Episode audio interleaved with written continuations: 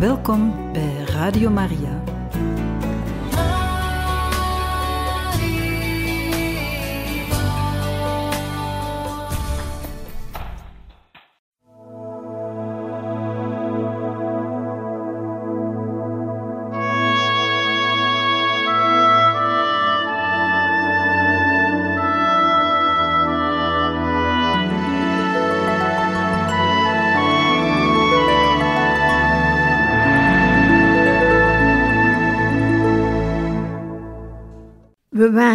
Beland bij hoofdstuk 22 na Damiaan, 1889-1995.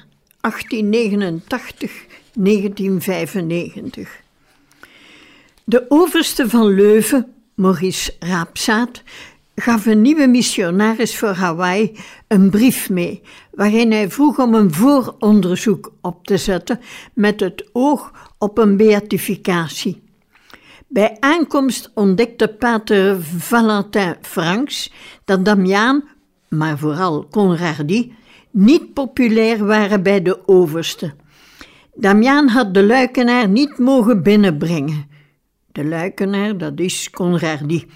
Want nu zaten ze met een man die alleen maar eer voor zichzelf zocht. Damiaan bleek een ongehoorzaam en moeilijk man te zijn, die niet overweg kon met andere mensen. Daarom mocht Valentin hem niet. Daarom mocht Valentin hem niet pater, maar moest hij hem gewoonweg Damiaan noemen. André was de bron van de informatie, terwijl de man zelf de reputatie had onmogelijk te zijn. En André was die Nederlander. De overste herhaalde dat ze tijdens Damiaans leven meer last hadden met Molokai dan met de hele missie. Valentin vroeg aan Wendelin, toen die op bezoek was in Honolulu, wat hij van Damiaan dacht. Het antwoord was vaag. Ondanks al zijn geld stierf hij arm. Ik hoorde klachten over zijn kuisheid. Einde citaat. Dr. Moritz noemde hem te familiair. Hij liet vrouwen in zijn huis, wat roddel meebracht. Keukenman, de bisschop, belastte Gulstan Ropert met de opdracht een beatificatieonderzoek voor te bereiden. Wendelin wist nauwelijks iets over Damiaan. Ze waren wel vijf maanden samen op Molokai, maar Wendelin was bijna de hele tijd ziek. Tijdens de doodstrijd waakte hij over Damiaan, maar moest morgens terug om mis voor de zusters te zeggen. Conrad die uitnodigen was Damiaans grootste fout, want zo wierp hij een blaam op de pikpussen. Keukenman stuurde Raapzaat een kopie van zijn preek tijdens de gedenkdienst. Daar stond alles in. Damiaan had zijn deugden, maar die waren altijd vervlochten met onvolmaaktheden. Hij kon een heilige zijn, maar wel een speciale. De congregatie en missie waren louter achtergrond voor zijn persoonlijke glorie. En dat staat tussen aanhalingstekens. Hij wilde het hoofdstuk afsluiten, want er was al één vervelend protestants artikel gepubliceerd. Een maand later vroeg bisschop Kekkeman ontslag van het beatificatieonderzoek dat hij onaangenaam noemde. Hij was ervan overtuigd dat Damiaan in de hemel was, maar zou toch ook negatieve zaken moeten zeggen. Wendelin was feiten aan het verzamelen. Omdat Europa bleef aandringen, zond Kukkeman Matthias Corneille naar Calopapa om samen met Wendelin uit te zoeken of een procedure tot beatificatie kon ingesteld worden. Ze moesten personen die Damiaan gekend hadden onder ede ondervragen. Tijdens een driedaagse retraite baden ze voor verlichting, terwijl hun onderzoek één dag in beslag nam. Gezien ze alleen Haole, geestelijke, dus inheemse geestelijke, zouden ondervragen, scheen hen dit voldoende. Zuster Crescentia was na Damiaans dood aangekomen en had hem alleen tijdens een kort bezoek in Honolulu gezien. Zuster Vincent had een vijftal keren enkele woorden met hem gewisseld. Ze hadden met kerstmis bij hem gegeten en bewonderden zijn edelmoedigheid. Zuster Leopoldina herinnerde zich de voorspelling dat ze naar Molokai zou gaan. Ze had hem tweemaal in Kakako ontmoet. Zijn vrolijkheid, nederigheid en edelmoedigheid waren haar opgevallen. Ze had hem een paar keer in Kalaupapa gezien en vertelde enkele eenvoudige, vertederende incidenten. Na zijn dood was de ziekte verdwenen van zijn gezicht, maar, zo gaf ze toe, dat was normaal met lepra. Moeder Marianne zag hem voor het eerst in 1884. Zijn nacht op de veranda had haar geschokt en na het kerstincident had hij om penitentie gevraagd. Dat had haar geraakt. Wendelin besloot dat de kerstmaaltijd een smet op zijn reputatie was. Dutton had zoveel te vertellen dat ze hem vroegen om zijn verhaal neer te schrijven. Geen van de patiënten of kokoas, niemand op topside, Conradie, Dr. Swift, Meijer, superintendent Rijnlands en de mensen van de Gezondheidsraad werden gehoord. Reverend Gage publiceerde Dr. Hyde's antwoord. Kukkeman noemde het een diabolische en kwaadaardige interpretatie van Damiaans uiterlijke fouten. De vuurster was aangrijpend familiair met koningen en ministers, mannen en vrouwen, en dat gaf verroddel. Einde citaat. Dr. Hyde van zijn kant rapporteerde fier aan zijn directeurs dat de brief helder en conclusief was, eerder ruw dan hoffelijk. Dat staat tussen aanhalingstekens. Hij had niet gedacht dat Gage het zou publiceren.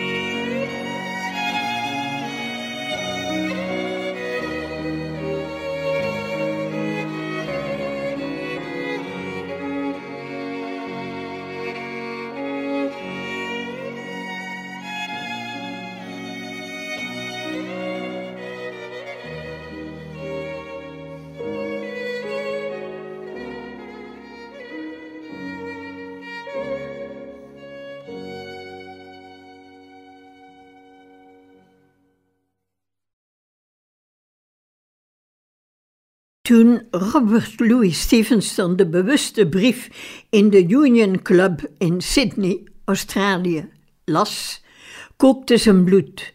Dit was een laffe aanval op een dode mens. Tranen van woede stonden in zijn ogen. Hij, de wereldberoemde schrijver van Dr. Jekyll en Mr. Hyde, gebruikte zijn pen als dolk tegen Mr. Hyde, die het aangedurfd had om zo'n goede persoon als Damiaan aan te vallen. Hij beschuldigde de Amerikaan die hij ontmoet had van jaloersheid, kwaadaardigheid en hypocrisie. Hij gebruikte een gekende techniek. Hij versterkte elke kritiek van Hyde op Damiaan door zich akkoord te stellen en vanuit die consensus een aanval te lanceren. Citaat: Ja, Damiaan was vuil. Einde citaat.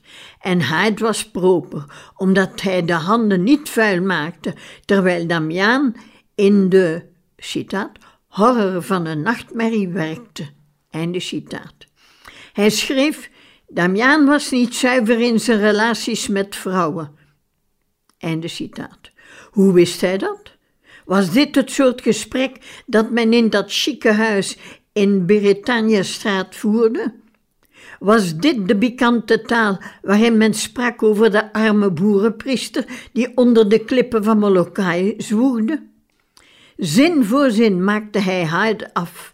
Zo schreef hij aan Hyde: Je geeft ons medelijden met de melaatse, die alleen die ruwe oude boer als vriend en vader hadden. Waarom was u, die zo verfijn bent, niet daar om, het, om hen met uw cultuurlichten te verheffen? Einde citaat. In haast neergepend was dit tijdschrift een parel van literaire stijl. Emotie druppelde uit elke zin. Stevenson liet de open brief snel drukken, keek zelfs de drukproef niet na. Hij zocht geen commercieel succes, wilde alleen een en ander rechtzetten. Hij stuurde een kopie aan leidinggevende personen wereldwijd en enkele kranten in verschillende landen. Zijn vrienden kregen er een brief bij waarin Stevenson zijn persoonlijke visie nog eens in de verf zette. Ook Hyde kreeg een boekje en een begeleidende brief, terwijl de uitgeverij Chatto Windus onmiddellijk bereid was het lange pamflet te publiceren, net zoals E.H. Hudson een kopie liet drukken op de Ave Maria pers. Enkele dagen voor hij zijn kopie ontving, wist hij al dat er een bom ging ontploffen en vroeg vrienden, zoals Meijer, om steun. Citaat: Als er één ding is dat ik niet kan hebben, is dat een aanval op iemands reputatie en het afbreken van andermans zogenaamde goedheid. Einde citaat. Citaat. Ik heb niemand aangevallen. Ik heb alleen een, informeer, een informerende brief beantwoord. Mijn antwoord werd zonder toelating gepubliceerd. Einde citaat. Hij vroeg Meijer niet om partij te trekken, wilde hem alleen zijn waardering tonen, iets wat hij niet voor Damiaan had. Citaat, ik drukte alleen mijn glasheldere overtuiging uit, gebaseerd op feiten die ik was te weten gekomen. Einde citaat. Meijers antwoord was voorzichtig. De buitengewone loftuigingen die Damiaan toegedicht kreeg, kwamen niet van mensen die op deze eilanden woonden. Ze werden door vreemde bezoekers gemaakt en ik vrees dat hun motief eigenbelang was en ze zichzelf wilden dienen. Einde citaat. Het was fout toen hij een dode aanviel. Maar één ding stond vast. Het was, onderstreept, totaal vals dat de regering de Melaatse verwaarloosde voor Damiaan aankwam. Iedere regering, iedere regering heeft veel voor de Melaatse gedaan en dit los van de aanmanigingen of de invloed van Pater Damiaan. In alle eerlijkheid moet ik bekennen, zijn raad en hulp, vooral dan bij het handhaven van de vrede en orde, zijn zeer waardevol geweest bij het leiden van de leproserie. Toen hij de brief van. Einde citaat was dat. Toen hij de brief van Stevenson gelezen had, kreunde hij: Ik kreeg de ergste slag van mijn leven. Hij werd gekruisigd door 's werelds meest gelezen schrijver, omdat hij de waarheid had verteld over die misleidende kwezel in Molokai. Einde citaat. Aan Meyer schreef hij het enkele dagen na lezing van Stevensons open brief. Citaat, ik werd aangevallen omdat ik trachtte valsheden recht te zetten. Toen ik mezelf verdedigde, viel ik Pater Damiaan niet aan. Ik was voorzichtig genoeg om niet alles wat tegen me gezegd is en waarvan ik meen te mogen aannemen dat het de waarheid is, publiek te maken. Einde citaat. Kukkeman ontving Duttens rapport dat bijzonder lang was. Damiaan speelde een grote rol in de autobiografie van de auteur. Het resume was snel gemaakt. De patiënten hadden de hardwerkende Damiaan liever dan de goed betaalde regeringsartsen. Hij werkte nooit iets af, was gastvrij, wachtte elke week de nieuwkomers op. Niet alle vernieuwingen kwamen van hem. Hij was niet heel proper, maar had een heel goed hart. En was dat niet wat telde? Na lezing besloot Kukkeman het beatificatiedossier te sluiten. Alleen was het vervelend dat Pamphile doorzette. Hij was zelfs naar Manchester gereisd om over zijn broer te spreken. Ten slotte had Damiaan nog geen mirakel gedaan. Meijer kreeg ook heel wat vragen. Aan kapitein Julius Palmer beschreef hij Damiaans zedigheid. Citaat, Bij mijn weten kan ik niets zeggen tegen Damiaan, maar onder de Hawaiianen, tussen wie hij leefde, deden er veel geruchten over immoraliteiten de ronde. Hoeveel waarde men aan deze geruchten moet hechten, laat ik aan u over om te bepalen. Alleen wil ik stellen dat Hawaiianen natuurmensen zijn, die anderen volgens hun eigen standaarden beoordelen. Zij beschouwen bepaalde immoraliteiten niet zo fout als blanken doen. Hawaiianen beseffen de ernst van beschuldigingen in die richting niet. Damiaan was slordig en trachtte niet om slechte schijn te vermijden, wat de geruchten verklaart.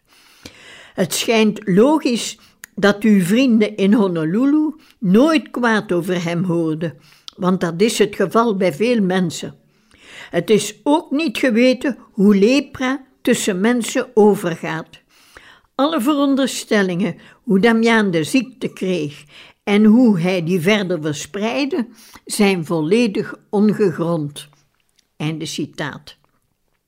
De hetze was nog niet over, zeker niet nadat Charles Hyde in een interview aan de San Francisco Examiner stelde dat Stevenson zijn stellingen had bevestigd, terwijl de Hawaiian Gazette een publiek onderzoek naar Damiaans kuisheid voorstelde. Een jaar nadat hij de brief aan Cage geschreven had, publiceerde Hyde een lang artikel dat het debat deed opleven, want opnieuw haalde hij geruchten op. Hij noemde de naam van een dame op Hawaii, maar zij bleek al snel de weduwe te zijn die klacht had ingediend tegen de opvolger van Damiaan, Famien Schausten. Kukkeman was in paniek, want als die vrouw alles zou vertellen wat ze wist, dan zou de roddelmolen op Hawaii maandenlang draaien. Het volgende rucht kwam uit Hongkong. Een Engelse dame die vanuit Hawaii op weg was naar een leproserie op Robbeneiland bij Kaapstad, had aan een reverend Rush verteld dat ze een affaire met Damiaan had gehad tijdens haar verblijf op Molokai. De gezondheidsraad begon onmiddellijk na te gaan wie allemaal een inreisvergunning had gekregen. Een Miss Martin logeerde twee maanden bij dokter Moritz. De vrouw was ondertussen getrouwd. Zuster Gertrude, de hoofdverpleegster voor Swift, was aangekomen na de dood van Damiaan. Een mevrouw Johnson werkte op Robben-eiland. Zij was in Hongkong geweest en had in een materniteit in Honolulu gewerkt. Na ondervraging bevestigde deze dame dat ze nooit een affaire had gehad met de priester. Omdat geen spoor van de mysterieuze vrouw gevonden werd, werd de zaak gesloten. Maar het gerucht groeide uit tot een stadslegende en een Nederlandse predikant haalde het enkele jaren later terug op. Sporen bleven achter.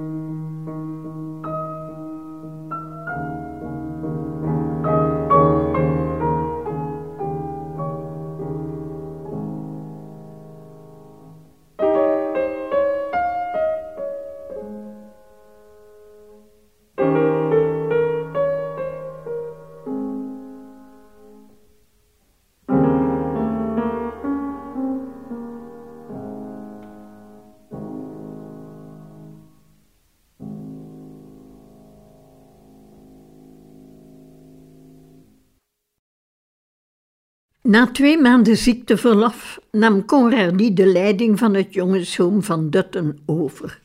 Hij wilde nog steeds pikbespater worden, maar dit bleek uitgesloten omdat de zusters hem niet hoefden. Het kon niet anders dan tot een conflict komen toen de plantage-eigenaar Henry Perrine Baldwin Charles Bishops geste imiteerde. Hij wilde 29 gebouwen sponsoren voor de 100 weesjongens. Een van de gebouwen was een klein klooster. Zuster Crescentia werd alvast benoemd tot directrice en sprong over het hoofd van Conradi. Toen het gebouw bijna klaar was, vroeg moeder om een huisje voor de kleine jongens vlakbij het klooster van Kalopapa. Ze wilde niet dat de kinderen op het kerkhof van Kalawao zouden opgroeien.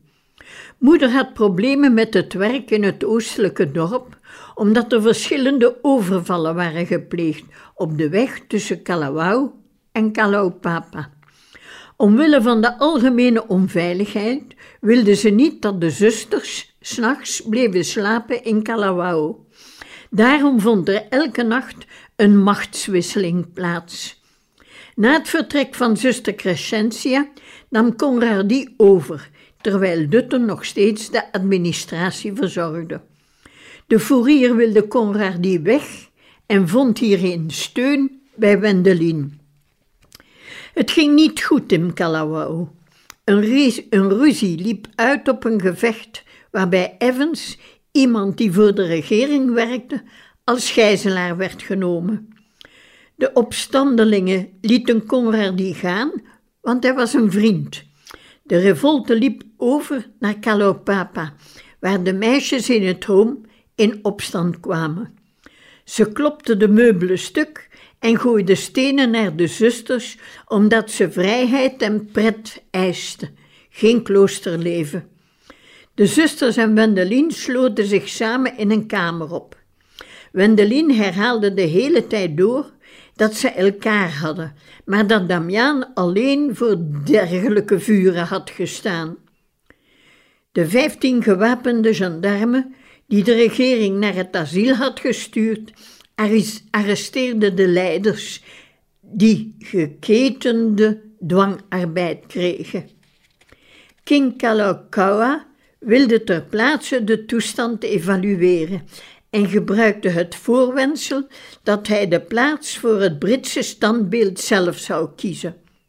De koning dacht aan Kalawao, maar de zusters vroegen om het vlakbij hun home te krijgen, zodat een voorbijvarende boot het zou zien. In Europa liet men Damiaan niet los. In 1890 en 1891 werden getuigenis voor een beatificatie verzameld. Aubert, die in Frankrijk was, herinnerde zich dat Damiaan uit vrije wil was gegaan. Hij was intolerant tegenover zijn overste, was koppig, maar wat hij zei was louter leugen. Albert Motiton nam de verdediging van Damiaan op. Hij was niet onkuis geweest, was gewoon wat slordig. Julia, de huishoudster van de wezen, was het probleem. Damiaan werkte veel te nauw met haar samen en dat gaf roddel. Kukkeman reageerde niet meer, hij sloot zich op in zijn kamer, weigerde relieken van Damiaan uit te delen en stierf in 1891 aan een hartaanval. Koning Kalakaua stierf rond die tijd. Op 20 januari 1891 volgde zijn zuster Lilio Calani hem op. Ze regeerde bijna twee jaar tot op 17 januari 1893 de Reform Party een succesvolle coup opzette. De eilanden werden een republiek en een nastingsverdrag met de Verenigde Staten werd getekend.